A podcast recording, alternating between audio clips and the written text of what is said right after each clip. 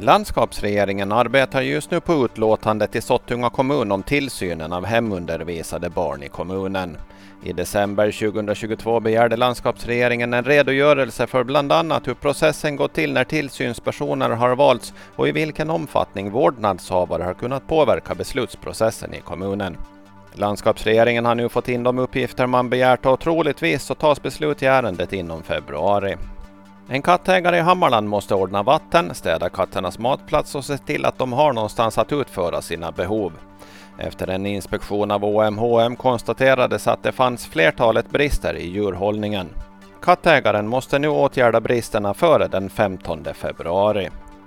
I helgen slutade 15-årige Albin Åströms pulkaåkning vid Fågelberget olyckligt.